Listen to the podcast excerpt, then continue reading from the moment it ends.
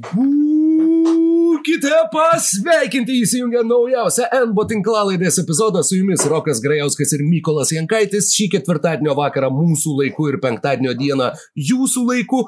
Susitinkame pasikalbėti apie mums įdomius NBA dalykus, aptarti lygos aktualijas, aptarti naujienas ir pratesti tai, kas pamažu, na, jeigu, kaip ten sako, jeigu buvo pirmą kartą, nereiškia, kad bus antra, bet jeigu buvo antra, tai trečia šimtų procentų bus. Tai jau galim sakyti, kad pradedam plėtoti savo tradiciją kiekvienoje laidoje, kiekviename epizode, apžvelgti kažkokią praeities lygos komandą dėl vienų ar kitų priežasčių, nesvarbu, ar jinai buvo labai gera ar labai bloga, bet kažkokią komandą, kuri mums kažkuo įsiminė ir kurią mes norime atsiminti ir pasidalinti savo atsiminimais su jumis. Tad tikiuosi, jog epizodas bus tikrai geras, kadangi nuotaika čia tikrai nebloga, Vilniuje oras visai šiltas, Mykolai sveikas gyvas, kaip tu, kaip tavo savaitė ir kokios nuotaikos šio epizodo pradžioje?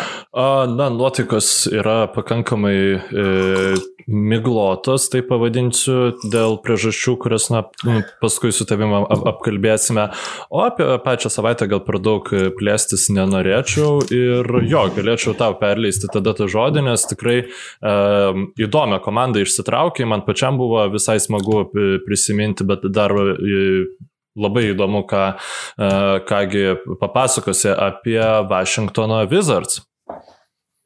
Taip, taip, išdavė visą mano įžangą dabar, bet a, tai yra komanda, okay. kuri, kuri dėl, savo, dėl savo inicialų galėjo būti žinoma ir kaip visiški velniai. Tai buvo Washingtono Wizards konkrečiame komandos eros laikotarpyje, tai yra nuo 2003 metų, būtent tada prasideda šis mano pasakojimas, kai Michaelas Jordanas pasijunta išduotas, apgautas ir permestas ir po dviejų metų, po kurių turėjo tapti komandos vadovu, Washingtono Wizards jam praneša, kad visgi nepatikės jam tos pozicijos ir įsiutęs Michaelas Jordanas šoka į savo Porsche kabrioletą, spaudžia gazą iki dugno ir non-stop nuo Washington DC išvažiuoja į Čikagą ir tiesiog nesustojęs nie karto, kaip pasakoja legenda, parspaudžia maksimaliu greičiu namo, nes manau, kad kai esi Michaelas Jordanas, tai gali sauliaisti viršyti greitį bent jau karts nuo karto.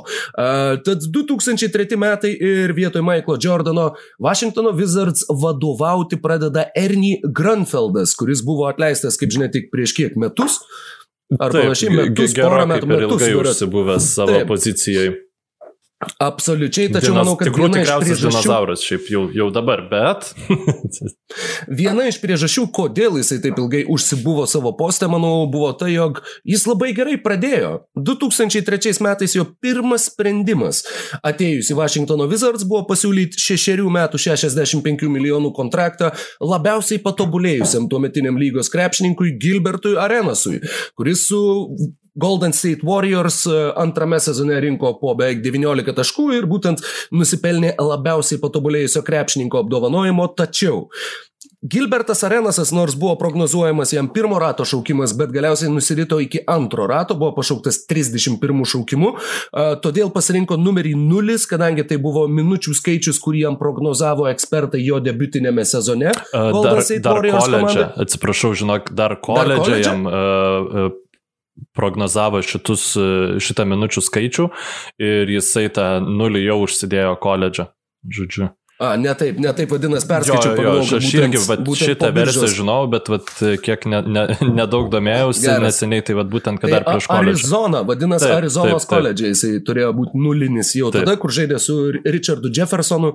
Uh, ir Dėl taisyklės, kuri tuo metu galiojo NBA lygoje, Golden State Warriors, nors Arenasas buvo apribotas laisvas agentas arba restricted free agent, jie negalėjo išlyginti Washingtono Wizards pasiūlymo, kadangi tuometinėmis taisyklėmis antro rato šaukimams, jeigu komanda jau buvo viršijusi algų kepurę, tu negalėjai išlyginti sutarties ir galėjai siūlyti maksimaliai 4,9 milijono per metus, jeigu nesumeluosiu, tuo metu tai buvo mid-level exception, turbūt šita taisyklė, arba tiksliau šitas kintamas dydis, kintantis su kiekvienu sezonu NBA lygoje.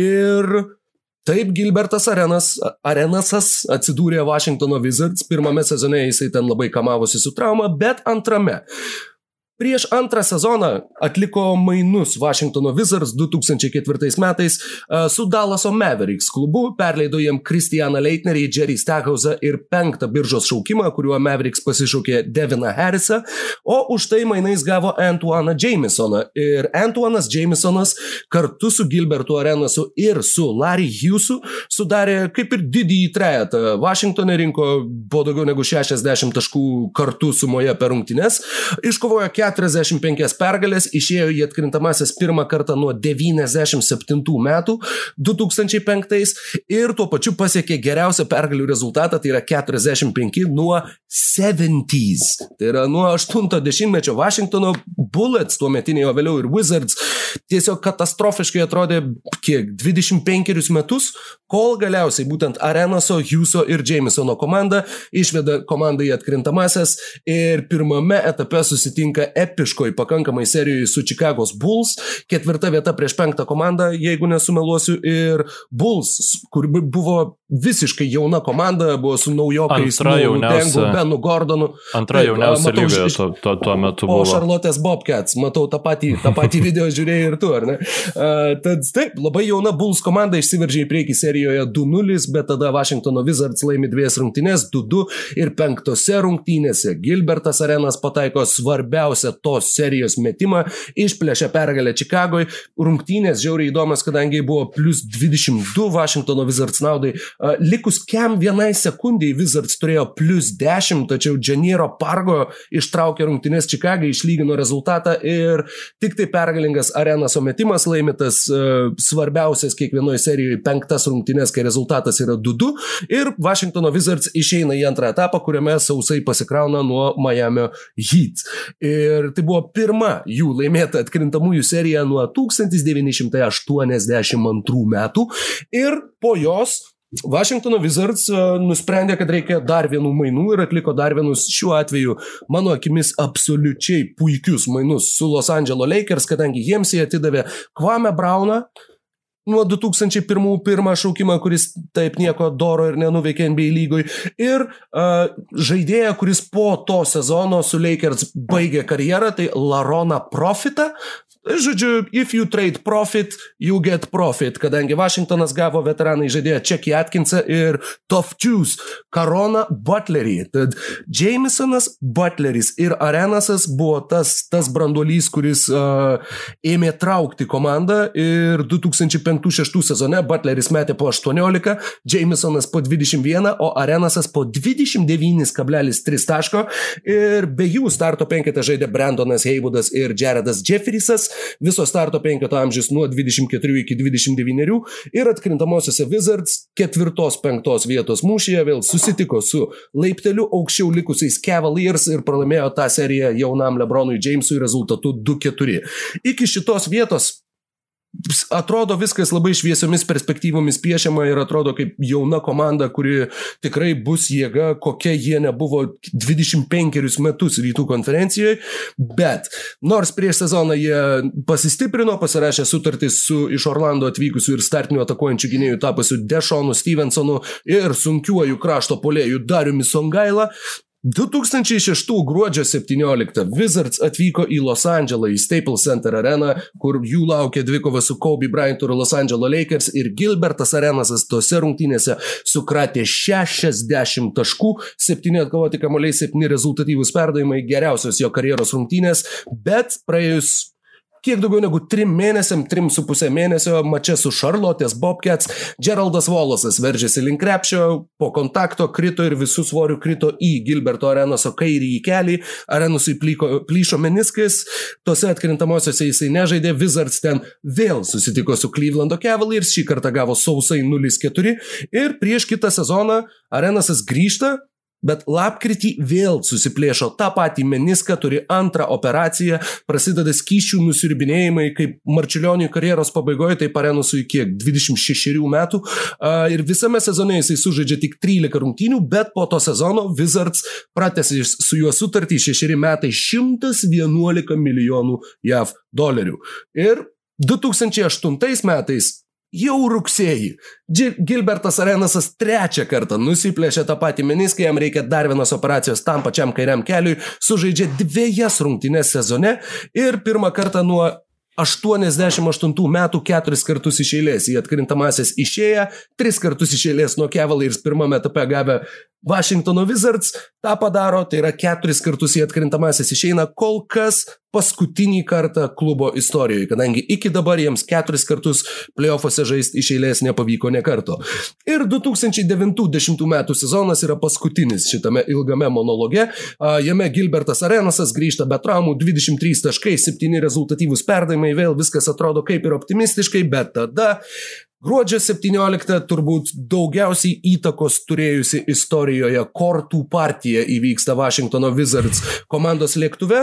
Ten Džavari Kritentonas ir Gilbertas Arenas prasilošia viens kitam daug pinigų, kyla kažkoks konfliktas, bet jis lygtai yra užglaistomas labai ramiai.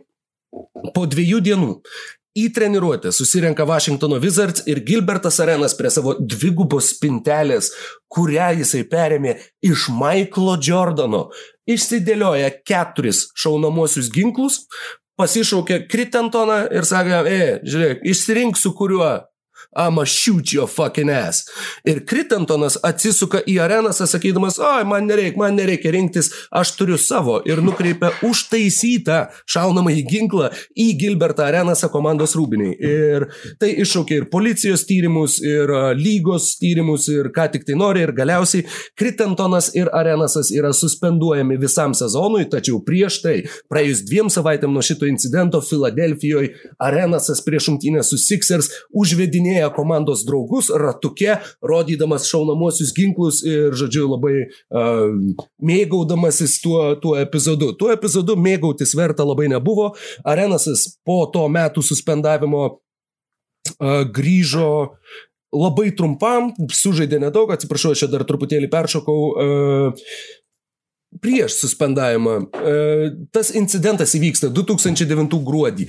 Prieš mėnesį Wizards atsisveikino su savo ilgamečiu savininku Anapilin iškeliavusiu Eibu Polinu. Komanda yra pardavimo stadijoje, komanda nusiperka jos dabartinis savininkas Tedas Leonsis ir visi kartu su klubo valdyboje nusprendžia, kad Nieko nebus, mes turim pradėti nuo nulio. Iki 20 sezono pabaigos. Antuanas Jamesonas išsiųstas į Clevelandą mainuose, kurie tapo pagrindu Žydrūno Ilgausko taisykliai. Uh, Karonas Butleris su Dešonu Stevensonu ir Brandonu Heivudu yra išsiunčiami į Dalasą už Drew Goodeną, Joshą Howardą, Quintoną Rossą ir Jamesą Singletoną ir komanda iš paskutinių 25 rungtynių pralaimi 20, pralaimi 16 rungtynių iš eilės ir galiausiai laimi naujokų biržos loteriją ir pasikviečia Johną Wallą. Ateinančiame sezone, nors Arenasas buvo komandai, tačiau buvo tik todėl, kad niekas jo nenorėjo su tokiu kontraktu ir galiausiai Wizards išsiuntė į Orlandą už Arašaro Lewiso kontraktą, kuris taip pat pat buvo visiškai neigiamas, na, toks kaip Džono Volo, Russelo Westbrooko mainai dabar, kažkas galbūt iš dalies panašaus, tik tai dar labiau suvarytų jų žaidėjų traumomis ir anais laikais.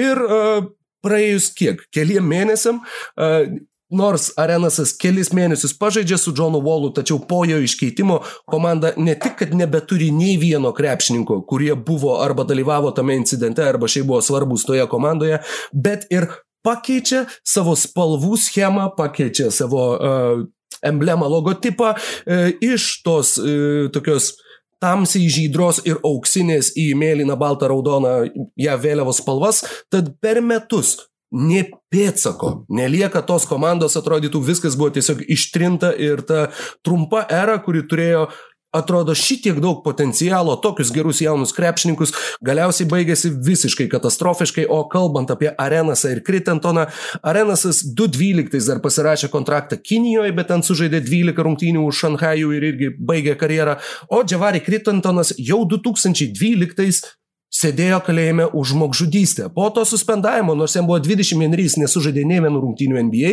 ir galiausiai 2011 rūpjūtį jisai uh, buvo teisiamas dėl žmogžudystės, kadangi po to, kai jį kažkas apiplėšė, Kritantonas vėl nusprendė savo patikrintų metodų eiti iškart su užtaisytų ginklų aiškintis ir bandydamas nušauti jį apiplėšusi vyriškį, jisai nušovė ketverių metų motiną vardu Julian Jones. Ir uh, taip jis atsidūrė kalėjime, kadangi Atsiprašau, prieš tai ketverių, jau buvo teistas. Ketverių metų. Keturių vaikų motina. Ai, ket, nes... Atsiprašau, keturių, ket, taip. Puh Ketverių, labai gerai. Ne, ne, nebuvo tokia jauna ta mama, buvo, buvo kiek vyresnė. Mhm. Bet, a, tad taip, Arenaso, Arenaso karjera baigėsi labai greitai, o Kritentono baigėsi dar greičiau ir krito iš tiesų uh, svaiginančių tempų, jeigu taip galima pasakyti. Šiaip uh, labai įdomi komandos istorija, įdomus momentas gal yra tas, kad paskui uh, Wizards iš tikro su Volu irgi ganėtinai panašiai atrodė, kad tuoj tuoj užsikabins tą seriją prieš Toronto Raptors, kurie juos nušlavė ir atrodo, kad Wizards yra žiauriai geri, e, kad Volo ir Gortato pick and rollas yra neužginamas, kad Bylas bus e, irgi Max lygio žvaigždė.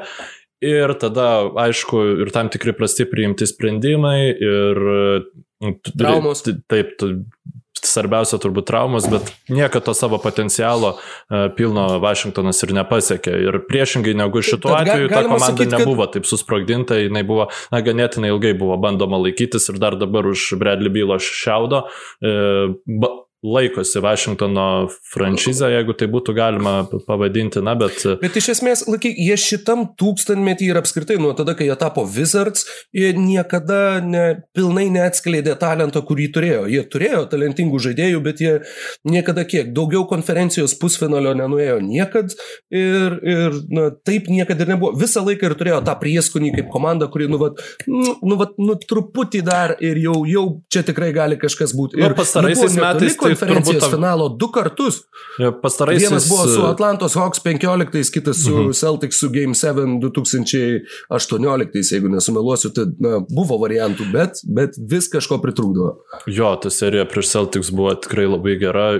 Pastaraisiais metais tai jau nebėra visiškai to, kad e, neišnaudojot savo turimą potencialą, dabar tiesiog, nu, tokia paraštinė komanda. To potencialo um, nelabai ir turi. Jo. Šiaip turim dabar kitą rubriką nusimatę, bet kadangi matau, kad e, vos nepamiršom vienos svarbios temos, kurią tu priminiai, e, man e, e, sakydamas, kad Washingtono Wizards buvo parduota komanda, tai irgi mm. dar viena paraštinė komanda, kuri pagaliau pakeitė savo savininką, čia nežinau, 10 metų, 15 gal jau metų tęsiasi tas Minnesotos Timberwolves, jau tuoj parduosim, tuoj parduosim. Ir galiausiai yra susitarta dėl Minnesotos Timberwolves e, e, klubo pardavimo. Klubą perpirks e, grupė investuotojų, grupė žmonių, iš kurių žinomiausias, nors aš taip pat kaip ir komandos žvaigždė Anthony Edwardsas, Alekso Rodrygėso beisbolo, buvusio beisbolo žaidėjo, ne, nežinau, ne, nesu. Aš irgi net neįsivaizduoju. Esu vienas Žinau, beisbolo rungtynės. A-Rod, A-Rod. Jo, esu vienas beisbolo rungtynės matęs gyvenime, kai E, ties, tiesiog vidurį nakties kažkaip įsijungiau, bet... Jo, aš atsimenu, kad mes įsijungiam, kai irgi, kad dar nebuvo NBA, buvo pakankamai anksti, ta prasme, tiesiog tą dieną mhm. dar, dar nebuvo NBA rungtynių, nebuvo ir NFL, o yra beisbolo ir įsijungiam su bičiuliu pažiūrėti beisbolą ir po kokių gal 20 minučių nu, išjungiam su tokia, tokiu nusivylimu, nes tai atrodė tiesiog kaip, nu, pats nuobodžiausias sportas. Bet aišku, ten irgi, jeigu tu Taip. įsitrauksi, jeigu tu žinosi ten statistikas, kokie ten pitcheriai, kokie ten mušikai, kaip jie ten muža, blablabla. Jo, aš tikiu, kad gali būti įdomu, bet paties žaidimo dinamika, gal mes ir pataikėme ant tokių rungtynių, kurios buvo ten gal prastos kažkokios labai komandos žaidė, bet pats tempas, pati, nežinau, nu jis atrodo toks ištestas siaubingai ir tuo pačiu nuobodokas žaidimas. Jeigu kas nors gali, nežinau, parekomenduoti kokias nors beisbolo rungtynės scenas, kurių įrašą galima pažiūrėti ir užsikabinti ant to sporto, rašykit komentaruose, būtų visai įdomu, aš, aš ne, nespjaunu į šitą šulinį, bet jo, kiek teko bandyti, aišku, tas bandymas truko 20 minučių, bet atrodė, kad, nu, tikrai ne mano sportas. Man, mm -mm. man atrodo, beisbolas, jeigu mes atmestumėm individualius sportus, tai yra e, šachmatai, nežinau, ten e, ėjimas koks nors ar panašiai, nors gerai, gal ėjimas netinka, bet e, yra tas sportas, apie kurį jeigu tu nieko nesigirdėjęs niekada gyvenime ir žiūri ten be komentatorių ar panašiai, bet tiesiog tau rodytų, būtų sunkiausia suprasti, kas vyksta, nes žinai, ten, nežinau, amerikietišką futbolą e, arba regbį man irgi pakankamai sunku, bet ten su laiku lengviau pagauti. Tikslas yra paprastesnis. Nes jo, su, su, su beisbolu ir... tikrai labai sudėtinga yra susigaudyti. Tai vad gal. Paminėjai dabar, tas... va, dvi sporto šakas man uh, seniai kažkaip galvoju, nežinau, šovė į galvą tokia pusiau teorija, kad tiesiog JAV, kai atsiskyrė nuo, nuo Anglijos, kai tapo nepriklausomi, manau, kad per laiką jie tiesiog labai norėjo kuo labiau susikurti viską savo ir kuo labiau neturėti, žodžiu, angliškų kažkokių šaknų. Tarkim, regbis, kurį žaidė Anglijoje, tapo amerikietiškų futbolų, kur taisyklių nelabai daug skiriasi, bet truputį skiriasi ir vietom atrodo, kad jos pakeistos tiesiog specialiai tam, kad skirtųsi nuo, nuo to sporto, kuris buvo žaidžiamas Anglijoje. Ir lygiai taip pat manau, kad yra su kriketu ir beisbolu, kad tai yra vos ne tas pats, tik tai minimaliai pakeista kažkas, kad skirtųsi ir kad tai būtų kita sporto šaka. Bet man tos paralelės tarp dviejų tipiškai amerikietiškų sportų ir kad jie atrodo išsivystę iš angliškų, e, sakykime, savo protėvių, e, man atrodo, kad, kad tikrai tame yra bent jau kažkiek Taip, logikos. Be, be jokios abejonės.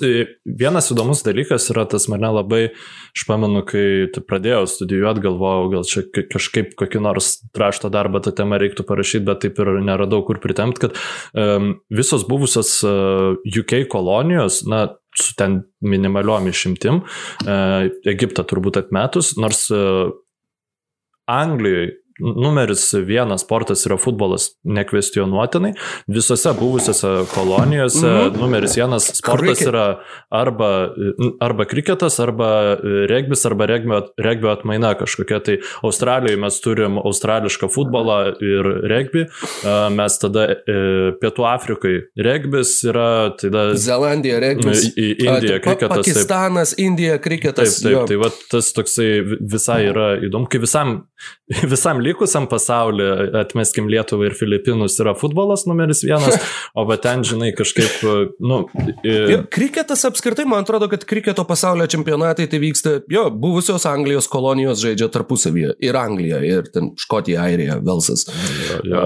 Nes daugiau kažkaip aš net nežinau, yra lietuvių kriketo federacija kokia nors, turbūt yra, bet mes su bičiuliais turėjom kažkada mintį ir galvojom, kokį galėtumėm pasirinkti sportą arba kažką, kur vat šiandien mes galim paspausti vieni kitiem rankas ir įkurti federaciją ir tapti Lietuvos rinktinę. Kad tiesiog niekas neužsijima šituo sportu, tai jeigu mes esam, tai vadinasi mes esam rinktinė. Tai kriketo man atrodo, kad yra, mes ieškojom ir radom, kad yra, bet uh, tas, ką radom, tu kaip kinų kalbą studijavęs žmogus turėtum žinoti, yra mahjong, yra kiniškas, uh, kaip savotiškas domino, uh, kuris turi savo rinktinės, turi savo pasaulinius reitingus ir uh, seniai svajojom įkurti Lietuvos Mahdžiongo rinktinę, kur nors e, besėdėdami bare ir e, surengdami pučą ir įkurdami savo federaciją ir tada važinėdami į visokius Makao, į tarptautinius turnyrus ir panašiai. Būtų visai, visai kieta. Nu, bet, bet mes labai nutolom nuo...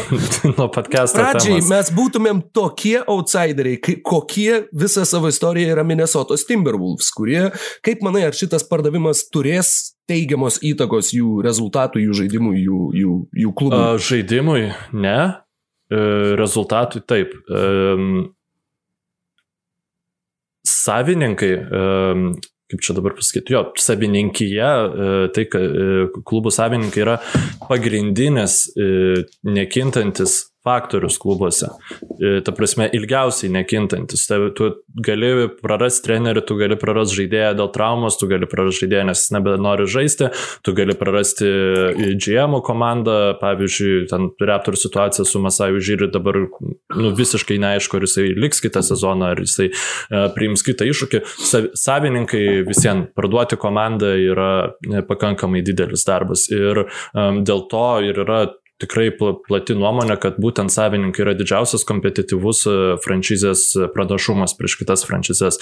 Dėl ko, e, sakykime, Clippers, kai atėjo Bolmeris, jie staiga pasidarė komandą, kuri, na gerai, jie nėra e, nelaimėjo vis dar e, NBA žiedų, bet tu nu, niekaip negali ginčytis, kad e, franšizės statusas dabar yra kardinaliai kitoks. Jeigu tai buvo absoliučiai paraščių ir e, patyčių komanda, tai dabar yra klubas, na, su kuriuo visi skaitos ir staiga ir, ir nori ir žvaigždės prisijungti. Taip, ir... taip, nes pas Donaldą Sterlingą niekas nenorėjo žaisti. Tai taip, buvo taip. viena, viena taip pat iš priežasčių, yra... kodėl jie šitiek metų buvo blogiausia komanda. Čia aišku yra labai drastiškas pavyzdys. Kitas pavyzdys tai Houstono Rocket savininkas, kuris turėjo nerealią komandą, kuris turėjo komandą, kuri geriausia lygos istorijos talento prasme komanda datempė iki septynių rungtynių finalo serijoje ir jisai pagailėjo mokėti prabangos mokestį, kad iš nieko daryti nereikėjo, tiesiog pasiūlyti Trevorui Rizai pakankamai pinigų, kad jisai pasiliktų, jis to nepadarė.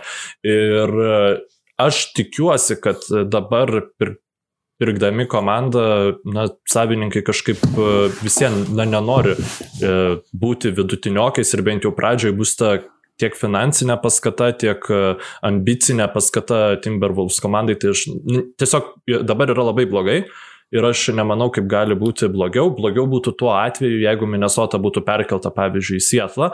Tačiau dabartinė informacija leidžia susidaryti įvaizdį, kad įspūdį atsiprašau, kad to nebus, nes vien perkelimas komandos kainuotų apie milijardą kažkur dolerių, taip yra paskaičiuota. Tai e, realiau, wow. kad tiesiog e, lyga prasiplės ir naujas e, klubas atsiras Sietlė, negu klubas bus e, perkeltas iš vieno miesto į kitą. Plus Minnesotos rinka jinai nėra tokia maža kaip ten Memphio ar, ar panašiai. Jo, Minneapolis yra, yra pakankamai regiono centras, e, jie yra ne tik Minnesotos, jie yra ir, e, man rodos, abiejų ar bent jau pietų Dakotos tikrai e, toks irgi, sakau, traukos centras, taip pat ir Ajovos valstijos, tai yra keletas valstijų aplinkui, kuriuom Minneapolis ir St. Paulas, St. Paulas, St. Paulas turbūt, The Twin Cities vadina mhm. tą dviejų miestų, žodžiu, tokį dvi miestį uh, žmonės JAV ir, ir tas The Twin Cities tikrai yra, yra uh, rinkos atžvilgių, žinoma, jie yra užkampyje, bet, bet būtent tai, kad jie apima tokią plačią uh, erdvę, leidžia jiems e, ne, nebūti būtent Memphio ar Naujo Orleano ar kažkuria iš kitų mažiausių lygos rinkų. E, Glenas Tayloras, buvęs Minnesota savininkas, dabar jau buvęs. Dar e, ne, dar ne, dar ne. Dar ne. Iki Na, tačiau... 23 metų jisai bus savininkas, tai reikės oh, palaukti. Ja, ja, ja. O, Jėzau. Glenas Tayloras. Vienas dalykas, kuris pasako, kiek šitas žmogus, sakykime, irgi turi savį, nežinau, rūkštingumo, yra tai, kad Kevino Garneto marškinėliai vis dar nėra pakelti arenos uh, palubiai. Ir dėl to, kad pats Kevinas Garnetas ne, nenori to padaryti ir to nedarys tol, kol Tayloras bus savininkas. Uh, kadangi taip pat jie ten turėjo daug konfliktų, daug visokių ten pažadų neištesėtų ir taip toliau ir panašiai. Uh, ir apskritai vienas iš žodžių, kurį labai dažnai naudoja Timberwolves sirgalių uh, bendruomenė. Uh, Canishhoopus.com, vienas iš geriausių SB Nation uh, polapių, kalbant apie būtent sirgalių bendruomenės, labai labai daug laiko investuojantys žmonės į tenai ir tą darantys neatlygintinai ir tikrai turintys stiprią bendruomenę. Tas žodis yra lazanija, kadangi kiekvienais metais po sezono Minnesotos Timberwolves savininkas Glenas Tayloras pasikviesdavo komandą jo žmonos Becky darytos lazanijos.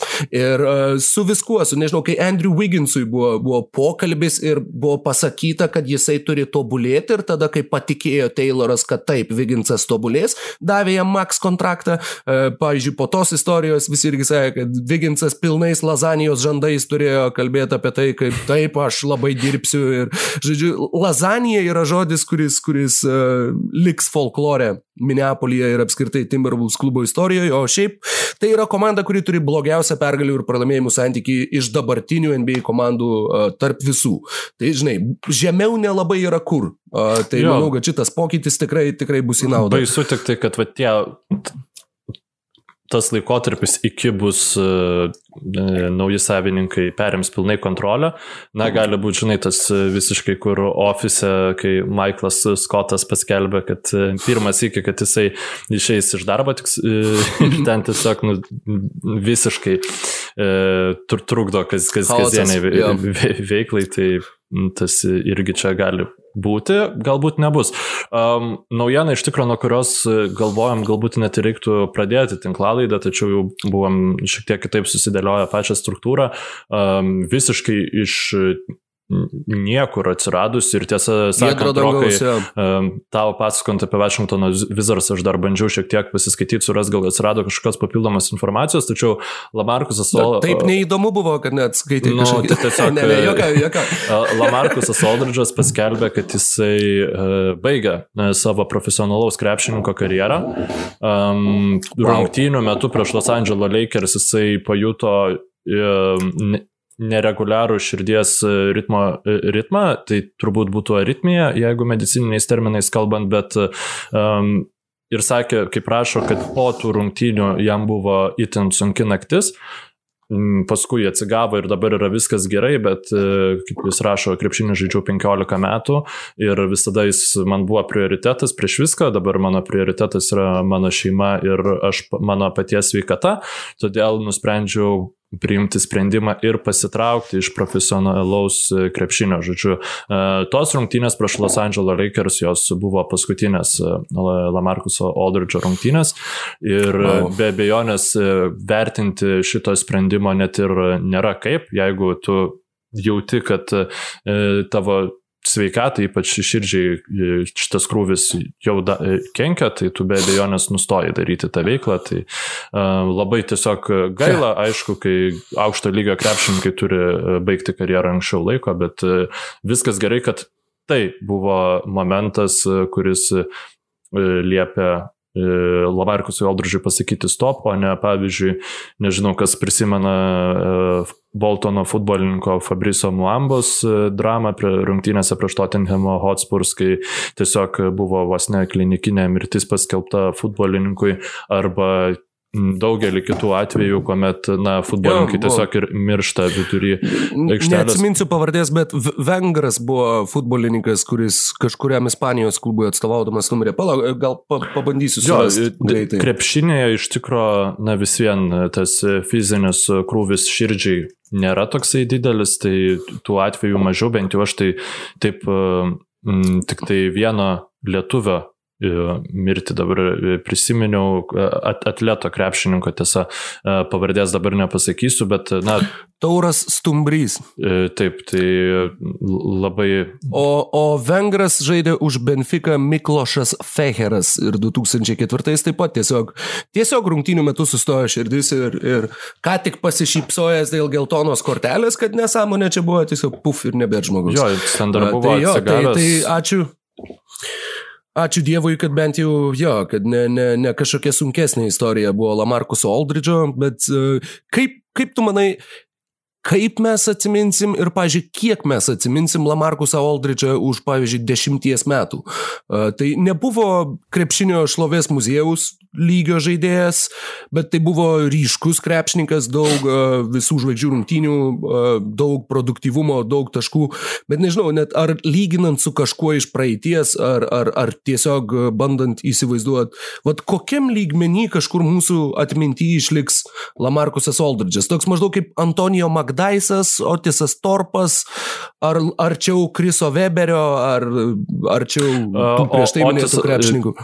Krisas Weberis man toptelėjo, be abejonės jisai turbūt niekada nesikė Kriso Weberio lygio, nors šiaip Lamarkusas Odridžas savo karjeros pike, tiesiog ta karjera buvo jo tikrai ilga, žymiai ilgesnė negu Kriso Weberio, pavyzdžiui, Lamarkusas Odridžas tiesiog tikrai uh, labai ilgai žaidė aukštame lygyje ir tas, sakykime, Man dabar, kadangi nu, nesiuošiau aš e, apie jo karjeros retrospektyvą kalbėti išsamei, tai netgi sunku, žinai, e, atrodo, kad Aina toksai aukšto lygio krepšininkas, bet e, nebuvo pirmo plano žvaigždė, tačiau kai žaidė Portlandė, jis buvo pirmo plano žvaigždė ir jis buvo geros komandos pirmo plano žvaigždė. Aš manau, kad mes jį atsiminsime kaip, na, šiek tiek gal su panašiu atspalviu kaip Zeką Randolfą, kur žinai, taip e, pasakai pavardę, mm -hmm. nusišyps ir ta, atsidūs ir va čia tai buvo žaidėjas, žinai, va čia jisai jo, e, jo, dėl kiekvieno... Kažkokius kadrus ir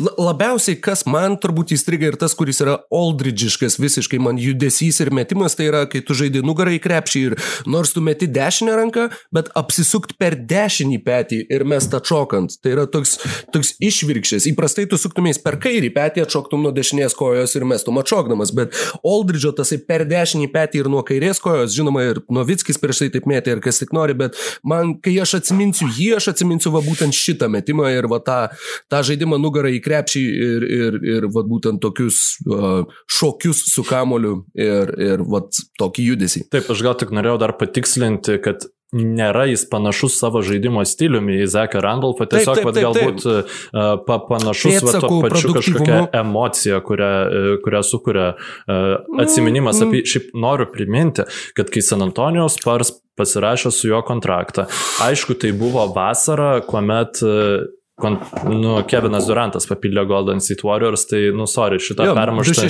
permuštų nelabai permušti, tačiau ir tai buvo šiaip visiška bomba, turint omeny, kad San Antonijos buvo labai gera komanda ir jie pasipildė uh, visiškai flagmanų ir jeigu ne, ne Kevinas Durantas, tai gal net būtų ir Lamarkusą Aldridge'ą nukreiptas, žinai, kritikos strėlės, kaip tu čia... Pas, nu... Ir ne tik e, ten, jeigu ne Kawhi Leonardo trauma, jeigu ne Zaza Pačiulyje, jie būtų, būtų ta komanda atrodžius kitaip ir galiausiai visa Kawhi Leonardo situacija. Bet uh, Aldridge'as atėjo į Spars anksčiau, man atrodo, tai buvo Liepos pirma, uh, pati mhm. pirma jau laisvųjų agentų perėjimo, perėjimo diena, o Durantas Liepos 4 apsisprendė dėl Golden State Warriors.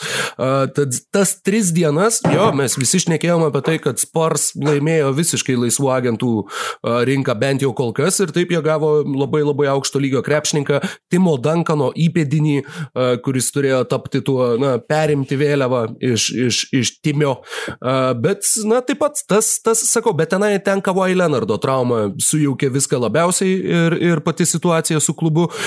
Kalbant dar apie Portlandą, 2014-2015 buvo sezonas, kai į sezono galą, jau artėjant atkrintamosiam, Wesley Matthewsas nusitraukė Achilą ir toj vietoje irgi komandos tiesiog šansai kažką pasiekti daugiau visiškai subliuško, nes iki tol tai buvo pirmas sezonas, kai taip pilnai įsitraukiau į NBA, man atrodė, kad Portlandas būtent yra ta komanda, kuri nu labai gerai sukomplektuota, jie turėjo ir Niką Batumą, ir CJ McCollumą, ir Damieną Lillardą be abejo, ir Lamarkusą Aldridge'ą, ir atrodė, kad jie gali nukeliauti labai toli. Jie tikrai atrodė labai labai daug potencialo turinti, turinčią ekipą. Labai panašiai kaip šiais metais Atrodė Denverio Nuggets iki Džamalo Marai, traumos uh, plyšė priekiniai kryžminiai raiščiai ir, ir uh, nuo 4 iki 11 mėnesių vidutiniškai uh, žaidėjai sveiksta po tos traumos, tad tiek šis sezonas, tiek atkrintamosios varžybos, tiek olimpinė atranka, tiek ir olimpinės žaidynės, jeigu jas išeina kanadiečiai, viskas nuplaukė Džamalui Marai likus 50 sekundžių uh, rungtynėse su Golden State Warriors be kontakto, tiesiog pat, pat, patyrus sunkia kelio traumą. Tad viena iš tų traumų, kur nu, kur ypač skaudžiai kerta. Taip tiesiog, nu, kur, kur, nu, viskas. Nes tu faktiškai imi apraud, apraudoti komandą, kuri atrodė labai simpatiška, atrodė tikrai galėjusi daug pasiekti ir, nu, dabar viskas. Tavo, tavo lubos ką tik tai su, susmego labai labai ryškiai ir na, dabar neįsivaizduoju. Kai su tavim susirašėm po šitos naujienos, tu sakei, kad dabar jokičius turės mest po 50 atkrintamosiose ir iš tos pusės galbūt įdomu, kiek, kiek tai dar labiau atrakins, kiek jie dar labiau bus priversti priversti žaisti per galimai šio sezono MVP, bet iš kitos pusės, žinoma, tai yra katastrofiškas smūgis ir, ir na, tokia labai labai nuliūdinusi naujiena, e, būtent iš intrigos pusės ir iš e, lenktynių dėl titulo pusės, kadangi na, faktiškai, sakau, viena komanda yra išbraukta. Tiesiog, vat, vienas epizodas, vienas kadras, nieko nebuvo, su nieko nesusilietė, bau, tavo komandos nebėra. Tai labai labai liūdna ir labai apmaudu ir nežinau, kuo dar, kuo dar galėtum papildyti visą šitą uh, ne nekrologą, bet nu, raudą. raudą. E, jo, liūdnais tonais nudažytas e, kol kas šitas podcastas, bet, na, Aš nelaikiau Denverio Nuggets rimtais favoritais laimėti NBA čempionų titulą, labai daug žmonių, kurie, m, kurių nuomonę aš gerbiu apie krepšinį, tai ten, pavyzdžiui, Zakas Lau vienas iš jų, po e, Džamalo Murray traumos sakė, kad jie tikrai galvojo, kad e, Denverio Nuggets gali būti rimti pretendentai e, nukauti Lakers, jo, kurie kaip, panašu, kaip, uh... arba tuos pačius Clippers, kur abi dvi šios komandos labai realu, kad nepradės atkrintamųjų pilnus sveikų sąstatų. Kaip, kaip, kaip sakė tas pats Zakas Lau, noriu labai trumpai įsitarti ir tingiu net bandyti ieškoti atitikmens iš anglų kalbos į lietuvių. Jisai iš karto po Mariai traumos įrašė savo emergency podcast 20 minučių kalbėdamas apie krepšininką ir apie tai, kaip viskas atrodė ir sakė, jog The Denver Nuggets this season uh, didn't have a puncher's chance, they had a real chance to become the champions. Ir tai yra, nu, būtent, kad tu turėjai ne, ne tai, kad kažkokią menką galimybę, kur gal jeigu viskas sukris, bet pakankamai realią galimybę. Ir, ir tai tikrai gerokai apgadina šitą sezoną. Mykolai, tu buvai ištraukęs labai tokį, e, kaip čia pasakyti, diskusijas įžiepti galintį skaičių apie būtent kelio traumų. Uh... Jo, tai yra ketvirta e, būtent ACL trauma šį sezoną. Anksčiau didžiausias tokių traumų skaičius per sezoną buvo 3, tai yra jau e, viršytas e, šitų traumų kiekis ir turint omeny, kad dabar prasidės intensyviausia reguliaraus sezono fazė, kuomet e, beveik visos komandos turi po du back-to-back -back mačus, tai viena po kitų einančios rungtynės per savaitę. Galiu būti neteisus, jo, bet tiesiog jo. labai daug atidėliotų rungtynių sukrenta. Penkerias per savaitę, ir, penkerios rungtynės per savaitę ne, yra įprasta. Nesinori nu, būti prastu kažkokiu, nu, tiesiog dėjoti ten, kur nereikia, bet aš bijau, žinau, kad dar mes vieną uh, traumą pamatysim uh, panašaus stiliaus. Nes šiaip norėjau ką pasakyti apie meniską, būtent uh, kai tu kalbėjai apie Gilbertą uh, Arenasą. Uh, Menisko traumas iš tikrųjų dabar yra gydomas kur kas geriau negu jos buvo anksčiau. Na bent jau krepšininkai, kurie turi problemų su šita e, kūno vieta e, kelio irgi e, kažkaip yra, ar tai jos greičiau pastebimos ar panašiai, na, pavyzdžiui, Zionas Williamsonas praeitą sezoną menisko operaciją daręs, tiesa, jis jam nebuvo plyšęs, bet tiesiog korekcija buvo daroma. Mhm. Ir dabar žaidžia, na, fantastiškai. Galbūt žaistų dar geriau, jeigu nebūtų tos traumos patyręs, bet e, ACL yra iškrentama šitam sezonui ir aš manau, kad Denverio Nuggets, na, tikrai neturi jokių šansų ir ateinantį sezoną, bus e, visi lauks e, Marijai sugrįžimo, kaip, nežinau, laukiam dabar Klejaus Thompsono ir, ar, ar panašiai, mhm. bet, na, pamatys, kad nebus toks jisai geras, koks jisai buvo dabar, kokią vėl jisai formą įgaudavo ir dar šiek tiek norėčiau pa, paprieštarauti pats savo, nes jeigu kuris nors krepšininkas gali sugrįžti geros formos, tai vėl e, labai yra populiaru ištraukti gerų e, motivuojančių tiek NBA žiūrovus, tiek e, Denverio Nuggets fanus istorijų apie būtent tą krepšininką, tačiau kai jisai gauna traumą, nes visi jie yra, na, dauguma šiaip krepšininkų yra išskirtinę darbo etiką turintys žmonės, nes jeigu ne tai, tai tu į NBA neprasimuši dabar, na, nebent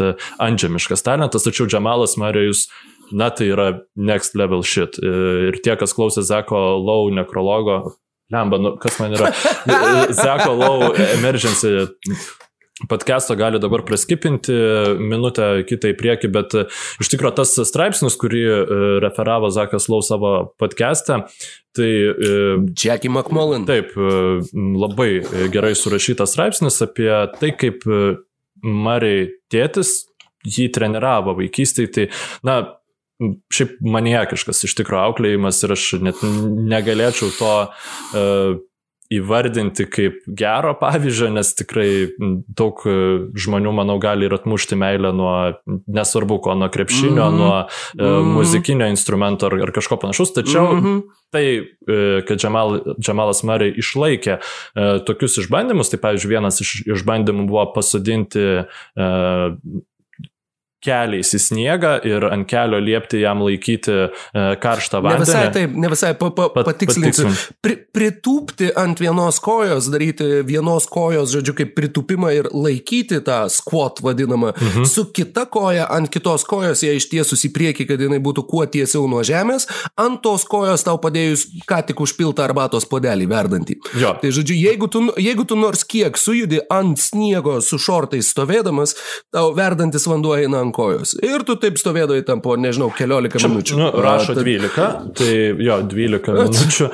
Tai man tai atrodo nesuvokiama. Ir nu, po to jis eidavo mėtyti tritašką. Tai, žodžiu, tikrai užgrūdintas tiek kepeniškai, tiek, e, neke, tiek nekepeniškai Murėjus tikrai yra, augo Kanadoje ir tikrai visais Kanados teikiamais e, pranašumais arba sunkumais e, Mirėjai tėtis naudodavosi, pavyzdžiui, jisai driblingavo ant ledo, dėl to jis turi mm. nuostabą, nuostabę koordinaciją, nuostabų balansą. Žodžiu, darė dalykus, kurių na, galimai ir NBA profesionalai negalėtų padaryti, nes tiesiog niekad gyvenime nėra to bandę. Uh, iš tokių mažiau uh, siaubingų dalykų, uh, tai galima pabrėžti, kad uh, jisai veždavosi, kai Džemalas Marijus buvo kūdikis, jisai nusiveždavo į tiesiog rungtynes, kurias pats žaisdavo, ten su draugais e, pastatydavo vežimėlį šalia, kad, jisai, kad Murėjus galėtų klausytis, e, žodžiu, krepšinio garsų, riksmų ir prie jų pratentųsi. Tai, e, toksai yra šitas krepšininkas Oho. ir, ir tikrai... Ir toksai yra jo tėvas, manau, kad čia dar taip, labiau negu krepšininkas. Ir šiaip Timas Konoliui sakė, kad bet kas realiai gali tapti problema, tai mes žinom, kad po tokių traumų tikslinga reabilitacija yra labai svarbu. Ir labai svarbu yra e, ne, neduoti per didelio fizinio krūvio tiek sveikai kojai, tiek e, nesveikai, ta prasme, atsiprašau, tiek nesveikai kojai, kurią tu reabilituoji, tiek sveikai kojai, nes paskui, sakykime, jeigu per didelis e, stresas eina ant vienos kojos, jinai tada irgi yra linkusi būti sutraumuota ar yep. panašiai, ką šiaip gal netgi galima būtų pabrėžti, kad prieš šias rungtynes E, Džemalas Marijus buvo praleidęs keturis mačius dėl kelio skausmų kitoje kojoje. Ir ar galima daryti hipotezę, kad jis Aha, dėjo vis, visą laiką didesnį. Taip, taip, taip. Tas, uh, perkompensavimas. Taip. Ir Timas Konoliui e, sakė, kad mums reikia pasikalbėti su Džemalu čia prieš, prieš du metus, nes jisai e, nelabai E, rūpinasi savo kūnu, jį reikia ištraukti, visą laiką reikia traukti iš čimo, nes jisai tiesiog ten leidžia beprotiškai daug laiko. Ir reikia suprasti, kad yra 82 rungtynės sezone ir reikia, daugiau ne visą laiką yra geriau, tai e, nežinau, kiek čia susiję šitie dalykai, bet e, reiks dabar labai prižiūrėti Denverio Nugget savo žvaigždę, kad jisai ne, nespurdėtų eiti iš karto į sporto klubą, kad jisai e, skirtų laiko savo ir galbūt e, neskubėtų, svarbiausia, ateinantį sezoną sugrįžti per anksti į aikštelę.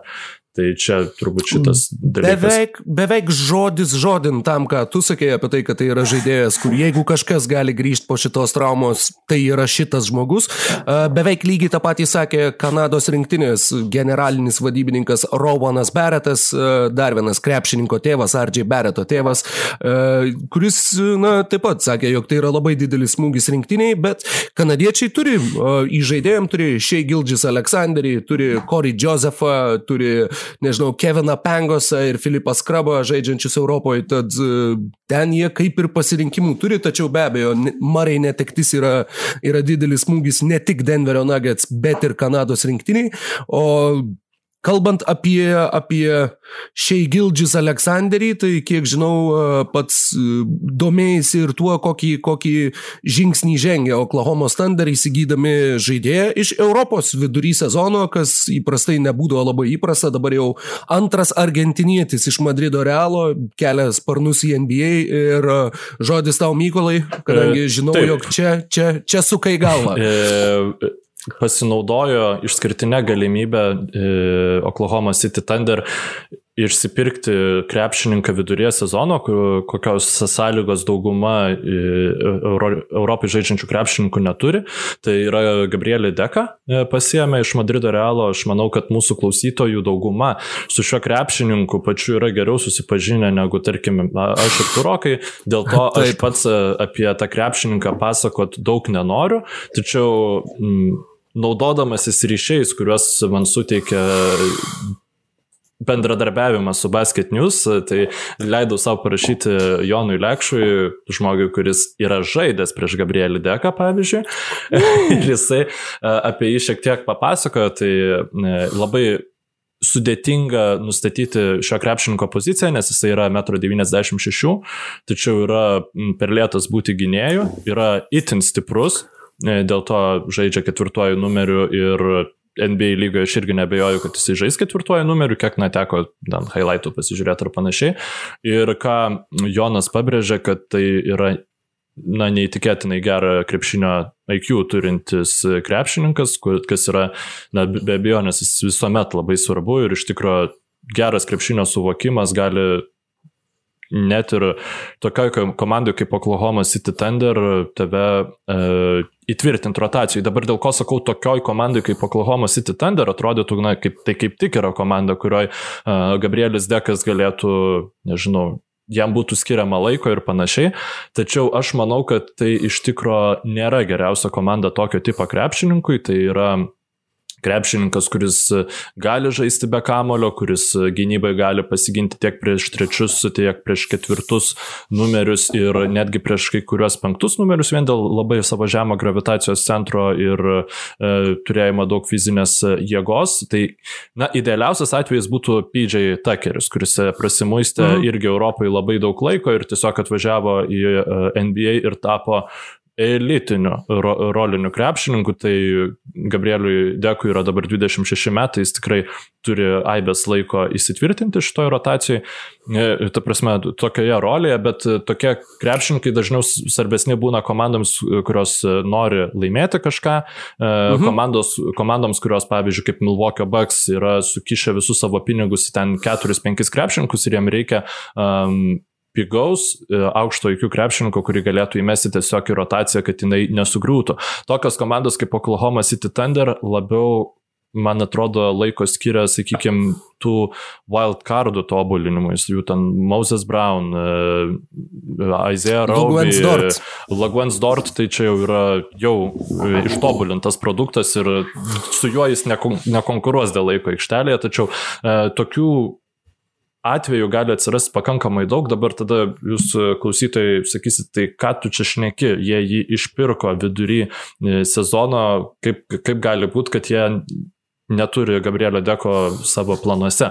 Um, situacija yra tokia, kad e, Oklahoma City Thunder yra išskirtinė komanda algų kepurės klausimų, tai yra jie savo žaidėjams moka mažiau negu yra e, algų kepurės grindys tai reiškia, kad yra ne tik algų kepurė, tiksliau, ne, ne algų kepurės grindis, bet al, algų, e, algų grind, batai. Algų batai, jo. E, ir jeigu tu tiesiog neišmoki tų pinigų, tai tie pinigai iškelia, yra išdalinami kitiems krepšininkams sudėties. Tai automatiškai tu tą skirtumą nu, geriau užpildyti. Bet jie šiaip buvo virš algų kepurės, nes jie turėjo, turi krūvą trade exceptionų, kuriu, e, kurie e, kaip veikia, tu neturi už juos nieko mokėti, bet e, tu negali į savo algų, kepu, į savo algų kepurę pasiimti krepšininkų.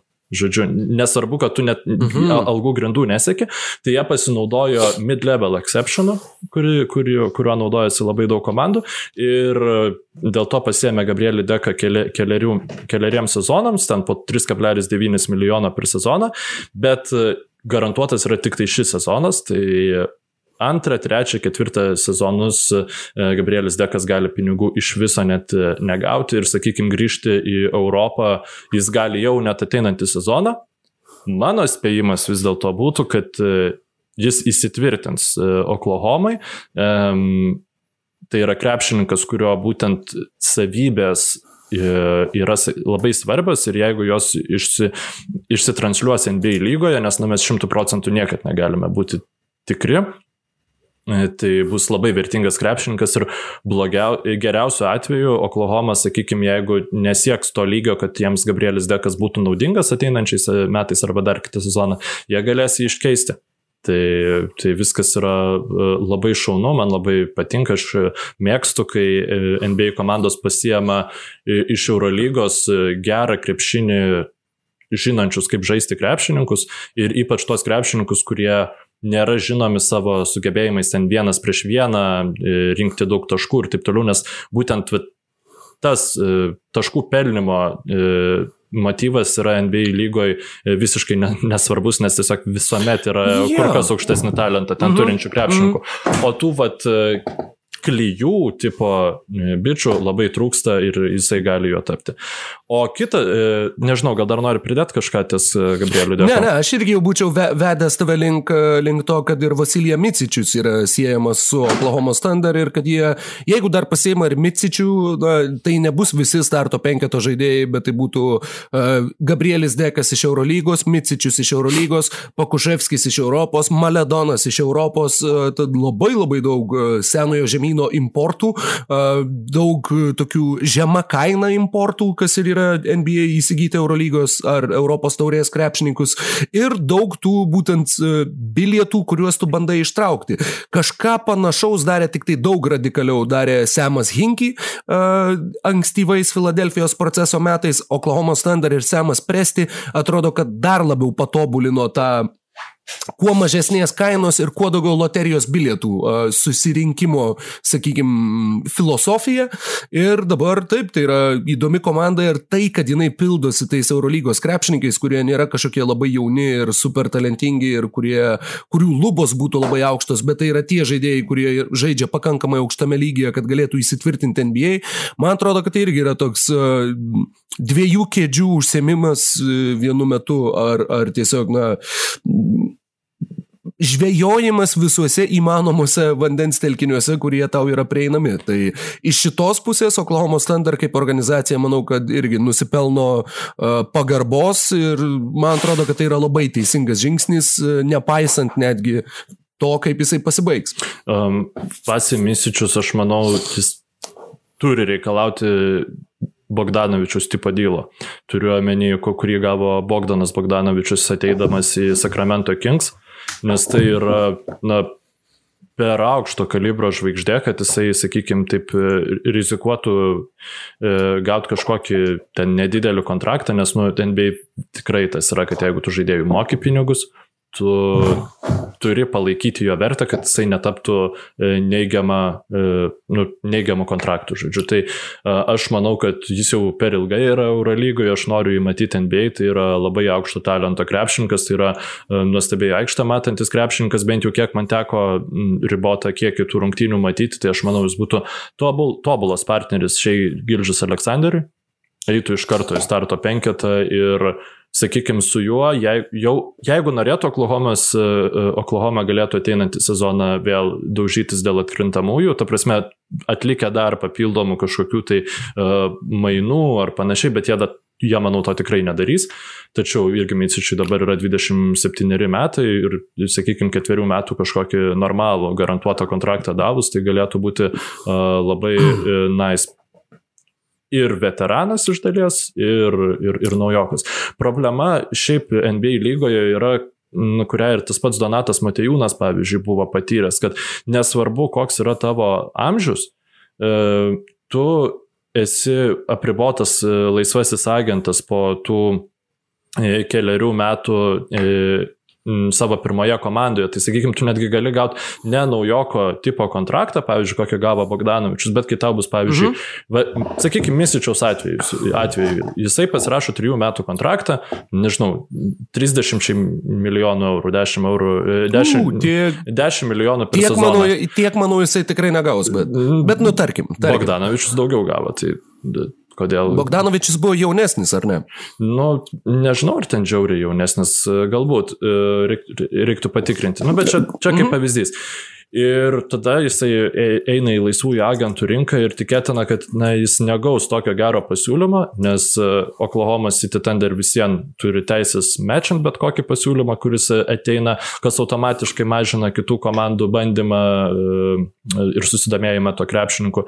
Ir na, tai jau, jau yra savo praimą arba pasiekęs, arba jau nuo jo besileidžiantis krepšininkas. Tai tikrai šitas taisyklės, aš manau, reiktų labai paprastai pakeisti NBA uh, krepšinio lygai, kad tiesiog jeigu tu ateini į lygą, tam nežinau, po 25 metų ir kiek, kad tu, tavo kontraktas yra kaip normalaus krepšininko, na, duodi birdo teisės uh, tam klubui, kuris tave pasiema ir viskas. Na, čia mano nuomonė tokia būtų. Uh, žodžiu, prie pokyčių, kuriuos aš norėčiau pamatyti NBA lygoje. Mm. Dar vienas klubas, kuris... Ba, ba, Bogdanovičiui buvo 24, kai jis atėjo į NBA, okay, Micičiui tai, dabar yra 27, sorry, tai, tai jo, čia tai tikrai, dėl detalės. Bet... Tikrai uh, skiriasi žaidėjų vertė be abejonės. Kitas klubas, kuris bando ieškoti išsigelbėjimo Europoje ir iš tikrųjų sakyčiau, kad tai yra klubas, kuris labai aktyviai tą bando daryti ir niekada jam nepasiseka, tai yra naujo Orleano Pelicans ir manau nepasiseks ir dabar. Pasiemė Jamesą Nunnally, kuris šį sezoną, man atrodo, niekur nežaidė. Irgi Jono paklausiau apie jį, sako, per daug ne, ne, neturiu ką papasakot. Fenerbakščiai, kai žaidė, atrodė labai slogiai.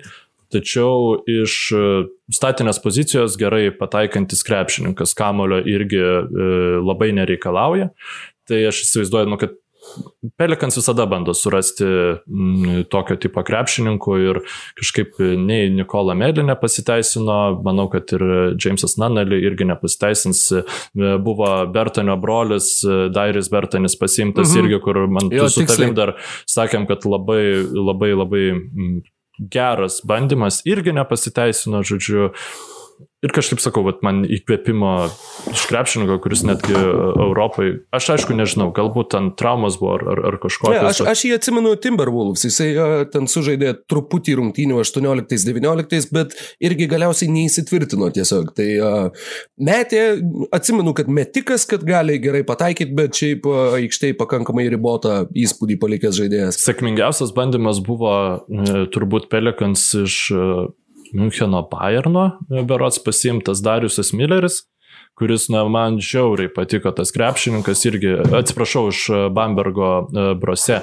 Mhm. E, labai aukštą motorą turintis krepšininkas, tačiau jis šį sezoną buvo pasinaudoję teisę anuliuoti tą kontraktą, žodžiu, kurį buvo sudarę ir irgi to žaidėjo jau Pelikons rotacijoje nebėra šį sezoną. Tai, nu, tikėkime, kad Nanali pasiteisins, labai žiauriai reikia metikų naujo Erleno Pelikons, ypač kai Redikas išėjo, ypač kai Walkeris, e, e, Nikila Alexander Walker, e, Lonzo Bolas ir Joshas Hartas yra dabar traumuoti, Hartas jau iškrito visam sezonui, tai Nanelį tikėtina už, bandys užpildyti tą rolę ir prisidėti prie Point Zion pelikanų stumimo į atkrintamasis, kas ko gero neįvyks. Na, liūdna, bet taip, liūdna, bet taip, negalėčiau nepritart. Tad kągi, uh, ar yra dar kažkas, taip, taip, taip, ką, ką dar, labai labai nori papasakoti? E, dar tikrai, maloniai, prašom. E, norėjau papasakot, kad e, dabar darau tokią taktiką, žodžiu, vis einu nuo MDB top 250 viršaus ir žiūriu, kurio filmo aš esu nematęs ir bandau tą filmą peržiūrėti. Na, užsikabinu, Aha. neužsikabinu ir uh, jeigu užsikabinu, tada peržiūriu. Ir vat, paskutinis filmas, kurį žiūrėjau, pagal šitą tvarką buvo The Good, The Bad and The Ugly. Mhm. Ir visiškai, na, šiaip jeigu tu turi podcastą, tu ka, ka, kažkokia tavo podcast'o serija turi turėti pavadinimą Tegu Tebedant Diaglai, nesvarbu kokia tema, tu gali apie skiepus kalbėti, tu gali mm. apie uh, mo, yep. močiutes kalbėti, aš, aš ne, nežinau, šiuo atveju aš kalbu apie Jono Valančiūno savaitę ir tai buvo absoliutus The Good, The Bad and The Ugly, mes matėm Jono Valančiūną na, iš visų pusių ir turbūt tokia labai daug atskleidžianti savaitę ir Pirmiausia, aš gal norėčiau pradėti nuo The Good. Tai e, kaip e, Jonas žaidė prieš Nikolą Vučevičių. Nu, jis apskritai, pradėk, gal reiktų pradėti nuo to, kad Jonas Valančiūnas žaidė prieš du e, šį sezoną visų žvaigždžių rungtynėse žaidusius centrus ir dar žaidė prieš centrą, kuris be abejonės yra visų žvaigždžių kalibro, jeigu yra sveikas. Tai visus tuos centrus, sakykime, daugiau mažiau jisai dulkino, na, galbūt Porzingi mažiausiai, bet Sabonis ir Nikola Vučevičius buvo uh, gin... polime, jis iš jų paliko absoliučiai šlapę vietą. Tai um, Na, Nikola Vučevičiaus aš tokio susinervinusio žaidžiant ne prieš Toronto Raptors nesu matęs. Nes mhm. šiaip net atkrintamosiose Markas Gazolis dar labai smagiai pasityčiodavo iš Nikola Vučevičiaus gynyboje, bet polime, aš nežinau, Valančiūnas tikriausiai yra vienas stipriausių lygos krepšininkų ir kaip tas rungtynes prie Čikagos Bulls komentavęs um, Neitas Dankanas uh, pasakė, jeigu tu susidursi su Jonu Valančiūnu, tu keliauji atgal.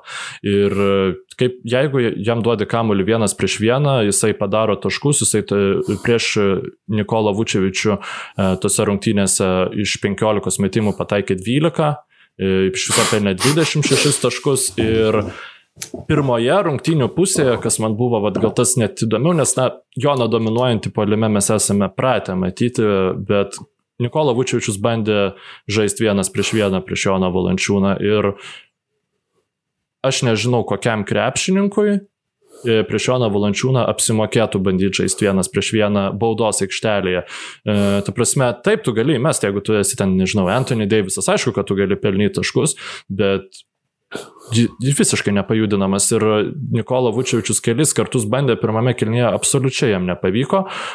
Ir bloką gavo, žodžiu, ir iš pozicijos pastoviai buvo iš, išstumiamas, mm. negalėjo. Aš tik, tik noriu dar pri, pridėti dar vieną, vienu sakiniu, kad uh, kažkada, kai žiūrėjau, kaip jie žaidė su Timberwolves, neseniai čia irgi per pastarąsias gal porą savaičių, uh, buvo keli epizodai, kur Valančiūnas būtent gynyboje Townsą taip gražiai suviniojo, kad, uh, na, taip pat buvo toks, kur žiūri ir kilsteli antakiai, kad, o, wow, aš ne, nelabai buvau matęs kažko tokio ir kad keliose atakose iš eilės ir apskritai, na, faktiškai visų rungtynių metu, kad taip užtikrinti užtikrintai, be pražangų, visiškai protingai, puikiai perskaitant judesius, taip tvarkytis vienas prieš vieną buvo taip pat labai labai geras įspūdis, tad norėjau tik mhm. papildyti tavo, tavo šitą komplimentų virtinę. Ir tik, sugri, tik į aikštę įėjus Danieliui Taisui, kuris tose šiaip rungtynėse pelnė 18 taškų, Čikagos bus sugrįžo į rungtynės, nes žaidė tiesiog labiau kamulio judėjimu paremta krepšinė, Zekas Tavinas grįžo labiau į savo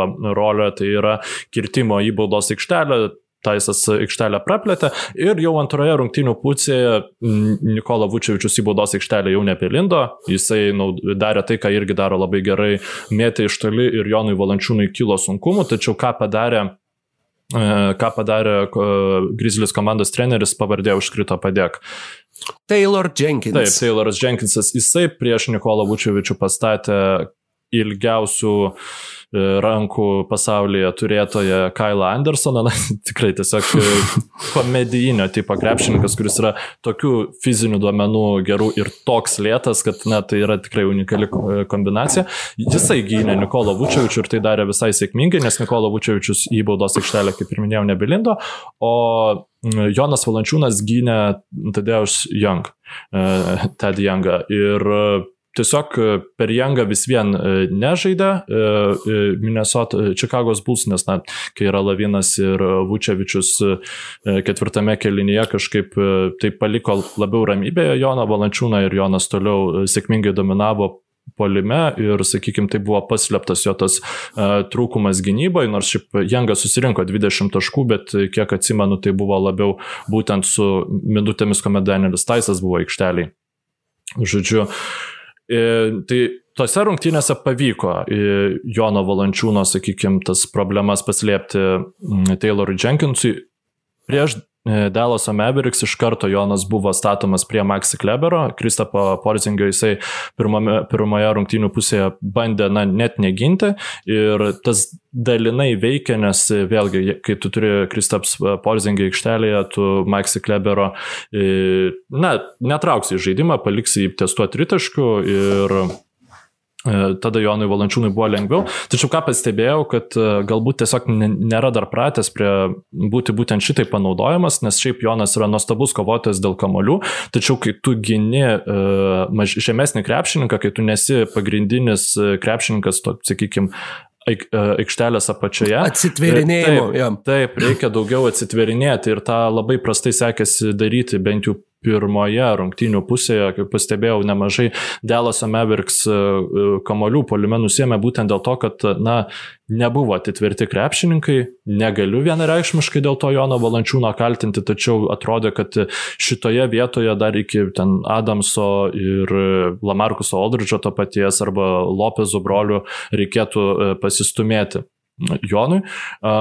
Ir antroje rungtynių pusėje šita problema susista, e, susitvarkė, Jonas karaliavo po, po varžovų krepšiais, tai yra kad Grizzlies žiauriai, ne, visiškai nepataikanti tritaškų komanda yra, apart Graysono Eleno, tose rungtynėse Kailas Andersonas metė vieną iš šešių, Žamorantas turintis blogiausią tritaškų pataikymą e, lygoje.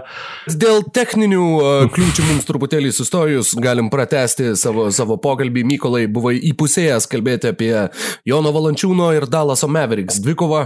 Taip, tai pakalbėjau apie tas gerasias savybės, kuris įnešė Jonas Valančiūnas ir į pralaimėjimą e, prieš Delaso Mavericks, beje, na, nežinau, reiktų turbūt įdėti Luką Dončičiaus metimą, o, kuris, taip, o, taip. kuris buvo belio koks, bet Bet e, paskutinėm, e, paskutinėmis minutėmis visi absoliučiai uh, Delas Mavericks taškai e, buvo daromi per Joną Valančiūną, nesvarbu jau ar jisai gynė Maxi Kleberą, ar jisai gynė Kristapsą Porzingį. Um, Luka Dončičius Valančiūną surasdavo ir jeigu neatakuodavo jį tiesiogiai, tai tiesiog pasinaudodamas tuo, kad Jonas Valančiūnas atsitraukė tiesiog e, nuo gindamas pick and rollą, nu, į, į, įmesdavo ar pats Dončičius, ar, ar jo komandos draugai taškus. Ir netgi toje atakoje čia na galbūt jau, žinai, kai pamatai tendencijas, tada ieškai prie ko prisikabinti, bet e, tikrai man atrodo, kad Jonas Valančiūnas per ilgai jisai užsibuvo prie Maxi Klebero, kuris, e, nu, kurį Jonas gynė e, išsimetant iš aikštelės e, šitam e, iš už aikštelės Maxi Kleberui, Jonas Valančiūnas įgynė ir tada Luka Dončičius likus 1,8 sekundės pasiemė kamolį ir iš karto metė į krepšį. Um, ir Maxi Kleberas net neįžengė į aikštelę, o Jonas Valančiūnas, sakykime, tik tai jau per vėlai suprato, kad jam reikia eiti padėti prie Luko Dončičiaus ir dėl to jisai, sakykime, nors išmetė visiškai sudėtingą metimą, bet jisai jį išmetė pakankamai laisvas. Tai tiesiog tas tas dalykas, kurį mes jau seniai žinojome apie Joną Valančiūną, kad jisai, sakykime, gerai gynasi, neblogai gynasi vienas prieš vieną ir prastai gynasi gynyboje, kuomet yra daug judėjimo be kamulio arba žaidžiamas 2 prieš 2, na, pasitvirtino dėja dar sėki rungtynėse su Dallas Mavericks, na, tikrai buvo atkarpų, kuomet žiūrėti buvo jo na ganėtinai na, sunku jo būtent veiksmus gynyboje, tačiau palime jis na, nepamainomas, yra jis aštuonis kamolius palime beros atsikovoja prieš Dalasą po visų tų netaiklių. Pirmaujantis lygoje pagal palime atkovotus kamolius žaidėjas šiame ir sezone. pagal taškus pelnomus po palime atkovotų kamolių, man atrodo, tas pats Zekas Laus. Po, po visų sakė, žvaigždžių kad... savaitgalio, man atrodo, kad yra antrais šansais pirmas, o pagal palime mhm. atkovotus viso sezono metu.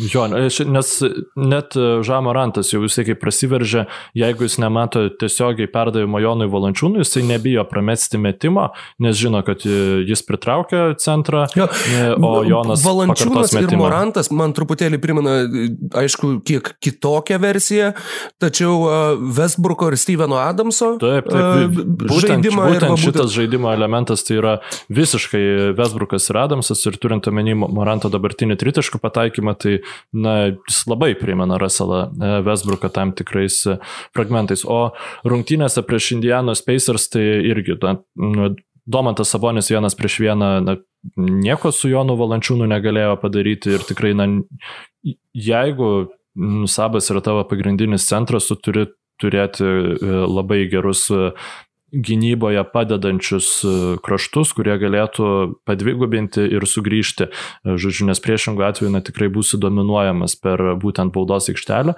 Tačiau gynyboje, na, bent jau kiek susidarė įspūdis, Kerasas Levertas irgi su to pačiu Saboniu žaidžiant 2 prieš 2 pakankamai lengvai rinko taškus visose rungtynėse ir rezultatyvus mačas buvo, kurį Pacers laimėjo. O jo, ten buvo ne tik rezultatyvus, ten buvo vietomis tai buvo absurdiško tempo rungtynės. Tai buvo tiesiog tiek bėgimo ir tiek, kai abi komandos tengiasi kuo labiau po atkovotų kamolių, kuo greičiau perėti į varžovo aikštės pusę, buvo atakų, kur nu, tiesiog svaigsta galva žiūrint, kur tu matai, kad operatorius sunkiai spėja tą bendrą kamerą vesti iš vienos pusės į kitą ir sekti veiksmą, kadangi buvo tikrai chaotiško tempo rungtynės.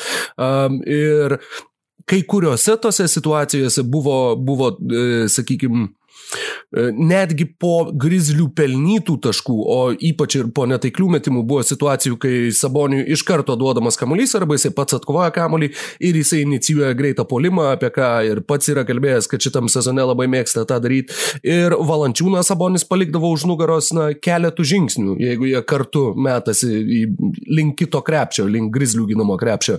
Tad tose situacijose labai akivaizdžiai matėsi, kaip, kaip tas Sabonio greičio pranašumas išryškėja, bet tuo pačiu Valančiūnas per fizinę jėgą, per atkovotus kamolius darė, ką norėjo. Ir, ir tai buvo tikrai tos rungtynės, kur Buvo baisiai smagu žiūrėti, kaip du lietuviai yra svarbiausios figūros faktiškai savo komandose.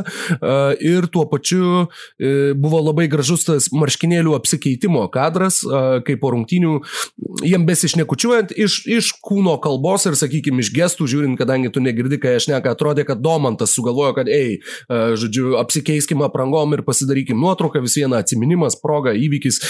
Ir buvo žiauriai gražus kadras, kaip ant kiek nepratę yra, na, iki kiek nepratę yra abu du mūsiškiai to daryti, tai buvo, kai jie nusivilko aprangas ir sustojo nuotraukai, laikydami patys savo marškinėlius. Ir tik tai po keletos akimirkų Sabonis padarė, o jie a, pradėjo juoktis ir apsikeitė tais marškinėliais, nes jo, nu tu turi ne su savo aprangom fotografuotis. Tai šitas buvo toks šiaip tokia labai maža detalė, kuri man labai įsiminė iš tų rungtynių. Jau jo, nes po rungtynių.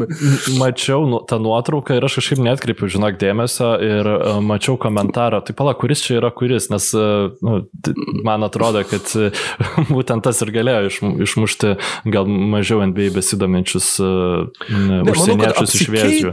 Jo, jo, gal apsikeitus, bet, uh, sakau, buvo, aš kiek mačiau nuotraukų, nemačiau nuotraukos, kurie dar nebuvo apsikeitę ir laikė tuos marškinėlius kiekvieną savo, bet tie kadrai, na, tas kadras egzistavo ir buvo, ir, ir tai kaip skaniai susijokė, du supratę, kokią nesąmonę daro, buvo, buvo labai žmogiškas, labai gražus gražus kadras. Ir pabaigai gal tada tiesiog reikėtų priminti mūsų lietuvių pozicijas, tiesiog daug tikrai apie juos mhm. kalbame, bet, nu, blemba, jeigu apžvelgdamas Eurolygą aš kalbėčiau apie Žalgerį, tai nekalbėti apie lietuvius, kai jie nu, šiauriai įdomiose situacijose yra jų klubai, o būtent šio e, sezono metu tai tikrai nu, nesigauna. Grizzly yra aštunti, e, jie turi tiek pat pergalių, kiek devintoje vietoje esantis Golden State Warriors, e, tačiau turi dviem pralaimėjimais mažiau. E, aukščiau jų yra Dallaso Mavericks, kuriems būtent Grizzly ir pralaimėjo, jeigu būtų, sakykime, neįkritas tas Luka Dončičiaus balionas iš trijų taškų. Arba jeigu. Graysonas Alanas būtų pataikęs bent vieną iš dviejų 90 procentų.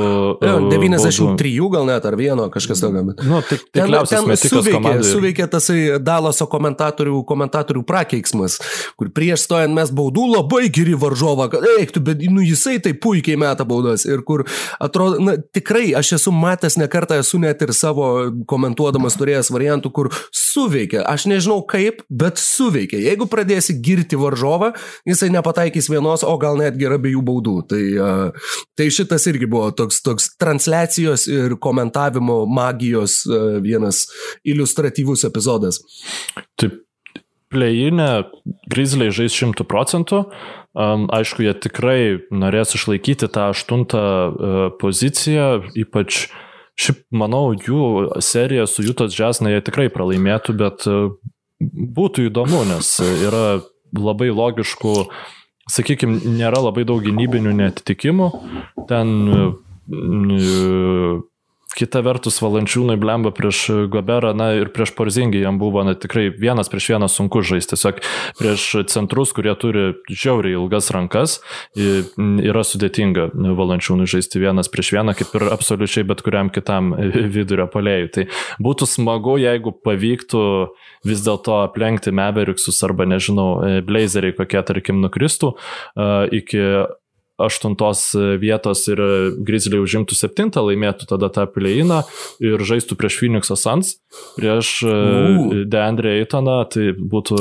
Džiauriai įdomi serija, žiauriai įdomi serija. Žinoma, prieš jų tai irgi, bet manau, kad jo, Grizzliam jie turėtų būti įkrintamosiose, tai jau jiems yra geras sezonas, bet tam, kad tai būtų labai geras sezonas, jiems reikia žengti tą, tą žingsnį į priekį ir nepralaimėti įkrintamosiose ir sužaisti tą pilną seriją iki keturių pergalių. Netgi jeigu pralaimėsi 0-4, aš vis viena manau, kad, kad na, tai būtų bent jau žingsnis į priekį ir taip akivaizdžiai, lyginant su, su praeitų sezonu, nepaisant to, kad tavo kiek, du starto penketo žaidėjai, vienas sužaidė kiek ten 12 rungtynių, Justice'as Winslow ir dabar vėl gydos traumą Jarenas Jacksonas iš viso nežaidė. Jis jo laukia sugrįžimo ir yra, na, bet jo, šį mėnesį svarbu, jisai turėtų žaisti, bet... Koks jisai sugrįž, nes...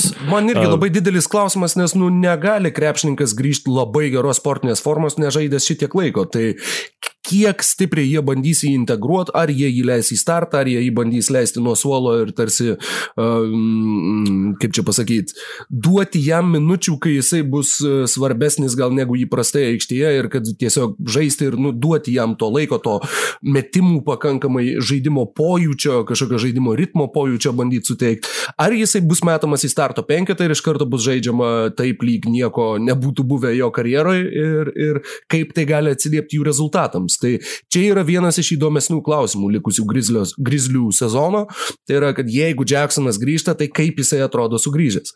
Jo, ir tai yra labai svarbu, nes Jarenas Jacksonas jaunesnysis, jisai atneša viską, ko šiuo metu trūksta e, Memphis. Tai pirmiausia yra tritaškių Taip. metimas, tai buvo e, prieš traumą nu, geriausiai tritaškus metantis aukšta ūgis lygoje net, net šiaip sezoną lygos istorijoje, ten ir, ir, ir kiek, kiekių ir procentų tai yra Labai. visiškai fenomenalius skaičius fiksavo Jarenas Jacksonas jaunesnysis. Um, o kaip manai, Indianas? Tai, tai, tai yra žaidėjas, kuris biržai buvo pakviestas iš karto po Luka Dončičiaus. Taip, jie galėjo kai, kai, kai šitą supratau, tai buvo, jo, jo tiksliai, jie galėjo rinktis Trejangą. Ir aš wow. vis dar manau, kad tai nebuvo klaidingas pasirinkimas. Aš labai aukštai vertinu Trejangą. Jareną Jacksonui, bet... Jareną Jacksoną jaunesnį aš tiesiog labai mėgstu ir man atrodo, kad, na, ateitis yra šviesi Memphis. O kaip manai apie artimą Indianos Pacers ateitį? Dabar yra devinta pozicija, 26 pergalės, dešimtoje vietoje esantis Chicago's Bulls 20, turi 22 pergalės ir, na, manau, čia yra aišku, kad jau nei Bulls, nei kažkas kitas Pacerių neaplenks, bet... Turėtų, ypač atsižvelgiant į Bulls formą, nes jie gavo nuo Timberwolves, jie gavo nuo Orlando, jie gauna nuo, nuo blogiausių lygos komandų, tų, kurios sąmoningai renka pralaimėjimus. Tai, tai labai labai nuvilintis bent jau kol kas yra Bulls žaidimas po Vučevičiaus mainų. Taip, taip. Tru per, silpna komanda gynyboje, kaip ir su tavim kalbėjom, kad vienintelis tas uh, idealiam startiniam penkete esantis Patrikas Williamsas yra vienintelis krepšininkas, kuris gali gintis, tačiau jis yra vienas blogiausių krepšininkų poliume, turint omeny tai, kad jis tiesiog e, ten nemeta į krepšį absoliučiai per ketvirtus kėlinius iš visi e, krepšio pusę nežiūri, tai daug problemų reikia išspręsti Donovonui ir be abejonės e, niekas nekals prie kryžiaus nei Karnišovo, nei Donovono, nei to paties Vučevičius, jeigu Čikagos bus atlikusi, na, grandiozinius mainus, iš esmės pertvarkius savo komandą, e, nesužais taip gerai, kaip galbūt būtų atrodžius netlikus tų mainų. Tikslas yra ateinantį sezoną gerai sužaisti, susiklijuoti ateinantį sezoną, apklijuoti komandą reikiamais krepšininkais, dabar žinai, kiek tu čia improvizuotai ten aminų pasiemė kažką, bet Danielis Taisas tai super papildymas Bostono Celtics. E, mačiau nuomonę tiek mūsų komentaruose, tiek tavo e, pritarta, kad čia dėl Time Lordo e, tobulėjimo. Aš manau, kad žiauri klaida yra Danielio Taiso paleidimas, ypač turint omeny, kad Robertas Williamsas yra uh, baudų rinkimo kolekcionierius ir jisai prieš Embidą baudas e, serijai susirinktų labai greitai. Ne, matai, aš prieš... manau, kad jie, jie tiesiog ir suprato, kad šiais metais jie titulo tikrai nelaimės mm. ir kad tada, nu tai ką, tai, tai duodam jaunam brandoliui žaisti kuo daugiau. Uh, tai, tai nėra sprendimas, kurį, žinai, jo nereikia vertinti iš tos pusės, kad jie šiais metais pasieks mažiau. Jie jau priimdami tą sprendimą tiesiog parodė, kad jo, jie yra susitaikę su tuo, kad jie uh, tą konferencijos finalų seriją 3 per 4 sezonus jau, jau turbūt yra nubraukta, bet, na, iš kitos pusės ką gali žinot, galbūt dar išaus, galbūt, galbūt mus nustebins, bet manau, kad jo, kad tas sprendimas buvo grinai žvelgiant į ateitį. Ir dabar Pacers yra šiek tiek žemiau negu Charlotte's Hornets. Hornets yra Max nukraujavusi komanda, Rozieris traumas gydosi. Um, kad žaidė dabar lyg. Taip, bet visų sveikata jam kažkas negerai mm. ir, ir dabar vėl buvo naujienų, kad na, ne viskas yra ok. Ir matant šiaip tendencijas, ant PJ Washingtonas irgi iškrito svarbus rotacijos krepšingas. Aišku, Paceriai irgi e, be Turnerio atrodo kaip be, be rankų, na visiškai kitoks komandos identitetas. Kaip manai, ar aplenks Indiana Šarlotę? Na tiesiog, jeigu reiktų spėti.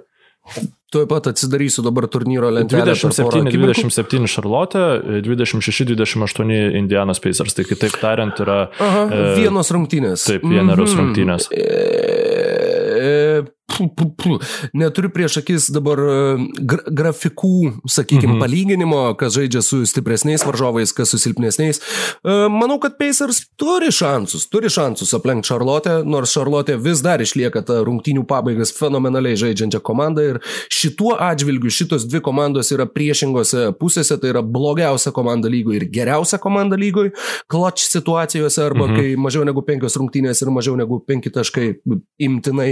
Uh, Tad mm, manau, kad taip, manau, kad Indiana vis viena, na tai yra dar jo labiau atsižvelgiant į tas traumas, talentingesnė komanda negu dabartinė Charlotte's Hornets.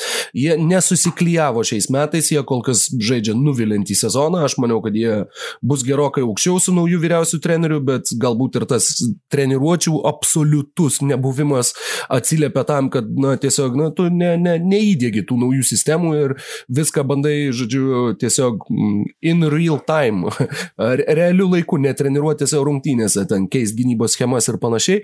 Manau, kad jo, Indiana aplenks Šarlotę iki sezono pabaigos. Jo, toks būtų mano spėjimas. Ar tu pritartum, Mykolai? Um, jo, e, manau, kad vis dėlto aplenks, nes jeigu neaplenks, aš nemanau, kad jie laimės dvi išėlės, pavyzdžiui, prieš tą patį Šarlotę arba tuo labiau prieš Miami, e, ko reikėtų papulti mm. atkrintamasis. E, labai trumpas pastebėjimas, būtent tavo išvalgos apie Indianos Pacers įkveptas, aš noriu spėti, kad e, toksai sezonas e, tikrai nepa, nepasitarnavo gerai tiem treneriam vizionieriam, treneriam, kurie neturėjo jokios, e, nu, didelės patirties iki šio sezono. Tai, nes pavyzdžiui, e, Neitas Makmilanas jam nereikėjo treniruočių. Jisai e, atėjo, pakeitė trenerį, žodžiu, ir Atlanta Hawks šiuo metu yra ketvirtoji vietoje, irgi traumų Atlanta turi begalės, pilna sudėtim jie nežaidžia Bet beveik niekada. Kiek su, su Makmilanu laimėjo ar ne 15 iš 20 rungtynių? Čia, ta prasme, kad... tiesiog Hawksai žaidžia ir ir jie, ir jie laimi. Jo, tikrai. Tai yra ketvir, fucking ketvirta komanda. Nu, nu, e, atrodo, atsimint, kaip, kaip jie pradėjo sezoną, jie, jie atrodė tragiškai. Taip, tai treneriai atleido tikrai ne dėl to, kad jie tikėjosi jo, ne, ne sezoną ketvirtoje vietoje. Ir Tomas Tibodau irgi mes čia su tavim putojamės, kai jį paskyrė New York, tiksliau aš gal labiau putojusi, kai New Yorko Knicks paskyrė jį, jį treneriu. Ir irgi va, savo sakykime, tai senų tradicinių tai, tai treniravimo būdų. Aukštų, jisai...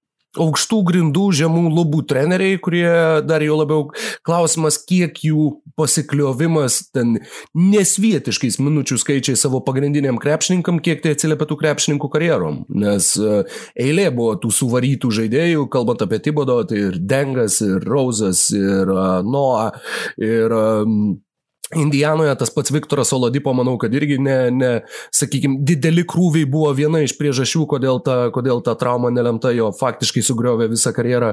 Uh, tai klausimas, kiek iš tikrųjų organizacijai ilgalaikiai perspektyvai, kol kas ačiū Dievui, jokių traumų tokių pernelyg sudėtingų tiek vienoje, tiek kitoje komandoje, bet um, Bus matyt, laikas parodys. Taip jie pakėlė komandos rezultatus šiem metam, taip jie tikėtina, kad bus atkrintamosiose varžybose tiek vieni, tiek kiti, nors Niksam yra likęs labai sudėtingas grafikas, jie turi labai daug išvykų vakaruose. Aš manau, jie žaidžia ir su... aplenks New Yorką. Nu, jo, tikrai turėtų, tikrai turėtų. Logiška pakankamai. Šiaip būtų, na, man šiek tiek būtų liūdna, jeigu New Yorkas visą sezoną, na, hypintas, nepapultų ir vėl į atkrintamasis dėl tos play-in taisyklės. O Kaip, kaip manai, va čia Dončičius pasisakė, mm, Kubanas pasisakė dėl pleino, tu... Aš labai labai gerą girdėjau per No Dunks tinklalaidę, neapsimėsiu, kad čia mano mintis, bet tenai žmonės sąja, kad kur jūs buvot pernai? Kai jūs nebuvot play-in turnyre. Tada kažkaip tai jums visai nestrigo šita taisyklė. Šiais metais, kai jūs jau galite ten atsidurti, tai dabar šita taisyklė yra šūdina ir jos nereikėtų NBA lygui. Tai žinai, čia nu, labai labai aišku, kad tiesiog jie, na, yra logiš, logikos Dončičiaus toj frazėje, kad jeigu mes žaidžiam 72 rungtynės dėl papuolimo į atkrintamasias, Tai kam tada mes turim žaisti dar dvi dėl papuolimo į atkrintamasis, bet man asmeniškai, man šita taisyklė patinka, jinai pridėjo šitam sezonui labai labai daug uh, kompetityvumo, labai daug komandų žaidžia dėl to patekimo į įkrintamasias ir mažiau yra komandų, kurios sąmoningai renka pralaimėjimus. Aš manau, kad tai yra taisyklė, kuri yra tikrai į naudą NBA lygai. Matysim, kaip atrodys tas pilnas įkrintamųjų turnyras, kadangi pernai jis buvo tik vakaruos, rytuose niekas net nepasivijo per tas ketverias rungtynes, kurios iš pradžių buvo kaip reikalavimas, kad komanda išsikovotų teisę žaisti būtent įkrintamosiose.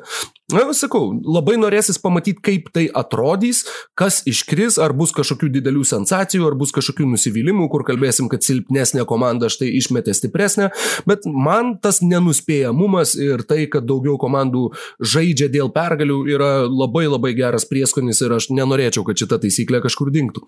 Nu jo, tai, kad Washingtono Wizards turi dar žaidžia šansų nu? patekti į e, atkrintamasis yra visiškai. Vašingtonas prieš Brukliną, maldauju, prašau, geriausia serija, prašau, go Wizards go. E, taip, aš pritariu, kad e, yra per daug rungtynių žaidžiama, bet tikrai ne, įkrin, nepapildomi trys mačai yra problema, o 72 rungtynės pandemijos laikotarpiu vien tam, kad išpildyti vietinių, su vietiniam televizijom sudarytą kontraktą, tai čia, man atrodo, yra didžiausia nesąmonė ir uh, Aš e, noriu, kadangi žinai, kai įvyksta didelė netektis, reikia suvest, suverst kaltę kažkam, tai aš vad kaltinu. Aš kaltinu, žodžiu, dėl to, kad Džemalas Marijus susitraumavo, aš kaltinu šitą, nežinau, apžoriškumą galbūt. Nu, nereikia tiek rungtynių reguliariam sezone. Kartoju ir kartosiu, žodžiu, ir čia yra viskas, ką šiandien Turiu pasakyti NBA temą. Apžoriškumas, koks nuostabus terminas. Epizodo pabaigai mes atsimenu uh, Vienas iš tų kadrų gyvenime yra kadrų, kur atsimeni kažkokį absurdą ir tiesiog nu jo neišmesi iš galvos niekad. Kažką, kur labai susijuokė arba kur kažką tokio, tokio keisto ir durno. Aš atsimenu iš mokyklos, iš gal kokios aštuntos klasės ar panašiai, kad na, mes visą laiką turėjome, mes buvom tie durniai, kur jeigu tu nuėjai prie lentos tau šakės, nes, ta prasme, tu grįžti ir ant tavo ten pratybų yra užrašyta surask 36 ir visur mažų e, falų pripiešta tavo pratybos klausia, kiek spėjo draugai per tą laiką, kol tu atsakinėjai, tai tu po to gali ten, žodžiu, ieškoti visos kolekcijos. Ir šiaip visokių durnų užrašų, dar kažko taip toliau ir atsimenu, kaip dviese sėdim su klasioku dabar galvoju, kuris, man atrodo, jisai gal užrašo Z tiesiog ir kad čia Zoro ir aš uždedu varnelę ir sakau, kad čia yra Žoro ir jisai prirašo ab pradžioje ir sako, čia yra abžoro. Ir man, aš niekad gyvenime nepamiršiu, kad abž yra abžoro. Tai va, abžorizmas e, pri, pri, priminė man šitą e, labai reikšmingą istoriją, kurią tikrai buvo būtina papasakoti visiems, bet tikiu, kad tarp visų šitų istorijų, kurias šiandieną girdėjot ar stebėjot, ar, ar kažkokiu kitų būdų priėmėt į savo organizmą, kad buvo ir kažko tokio, ką, tikrai buvo verta išgirsti, ko buvo įdomu pasiklausyti. Man asmeniškai tikrai patiko, patiko visa tai, ką mes čia apkalbėjom. Ačiū tau, Mykolai, už tavo išvalgas, už tavo pasidalinimą mintimis. Primenam, jog mus galite sekti visur ten, kur mus sekat ir, ir ką dar reikia pasakyti epizodo pabaigoje. Tai iki kitos savaitės. Tai jau turbūt, kad laimingai. Ja, sėkmės.